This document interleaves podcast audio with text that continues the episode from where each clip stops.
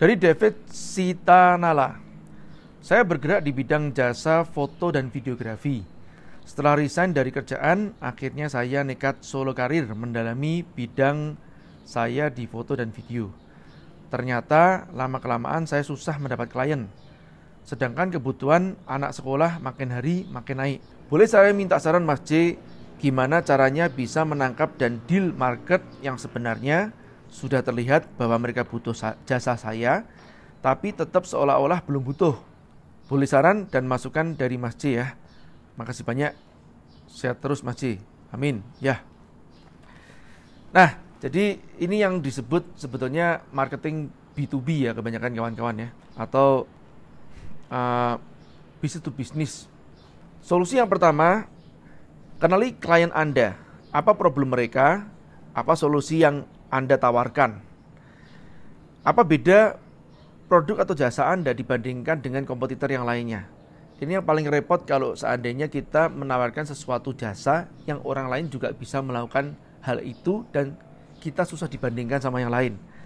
Nah, setelah Anda mengidentifikasi ini semuanya, rangkum dalam kata-kata yang mengandung kata kunci atau rangkum dalam proposal atau presentation kit yang mengandung kata kunci. Ini contohnya. Tujuh alasan kenapa David fotografi. Contoh nih ya. Di tujuh alasan. Bisa tujuh, bisa delapan, bisa sepuluh. Tapi jangan kebanyakan. Kalau buat saya maksimum itu selusin atau dua belas. Nah, tapi ini semuanya harus fakta bukan cuma sekedar janji kosong. Contohnya nih teman-teman, misalnya dari tujuh alasan kenapa David fotografi. Yang pertama, unik. Nah setelah menggunakan kata unik. Unik ini bisa Anda bold ya kalau dalam presentation. Kemudian Anda jelaskan nih. Mengabadikan kenangan Anda dalam kreasi yang belum pernah ada sebelumnya.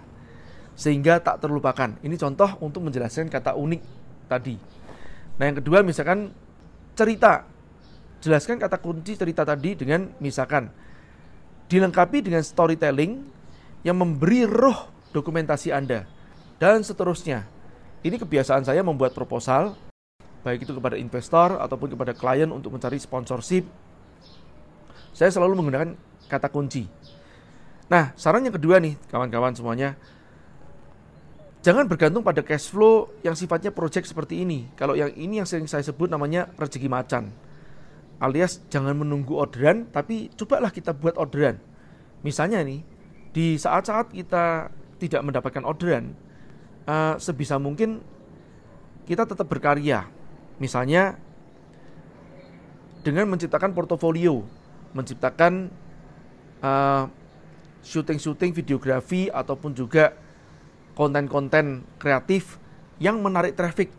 Nah, secara otomatis sebetulnya pada saat Anda ngeposting ini semua konten-konten tersebut, contoh-contoh penarik traffic tersebut ke sosial media Anda, ini sudah menjadikan menjadikan portofolio Anda.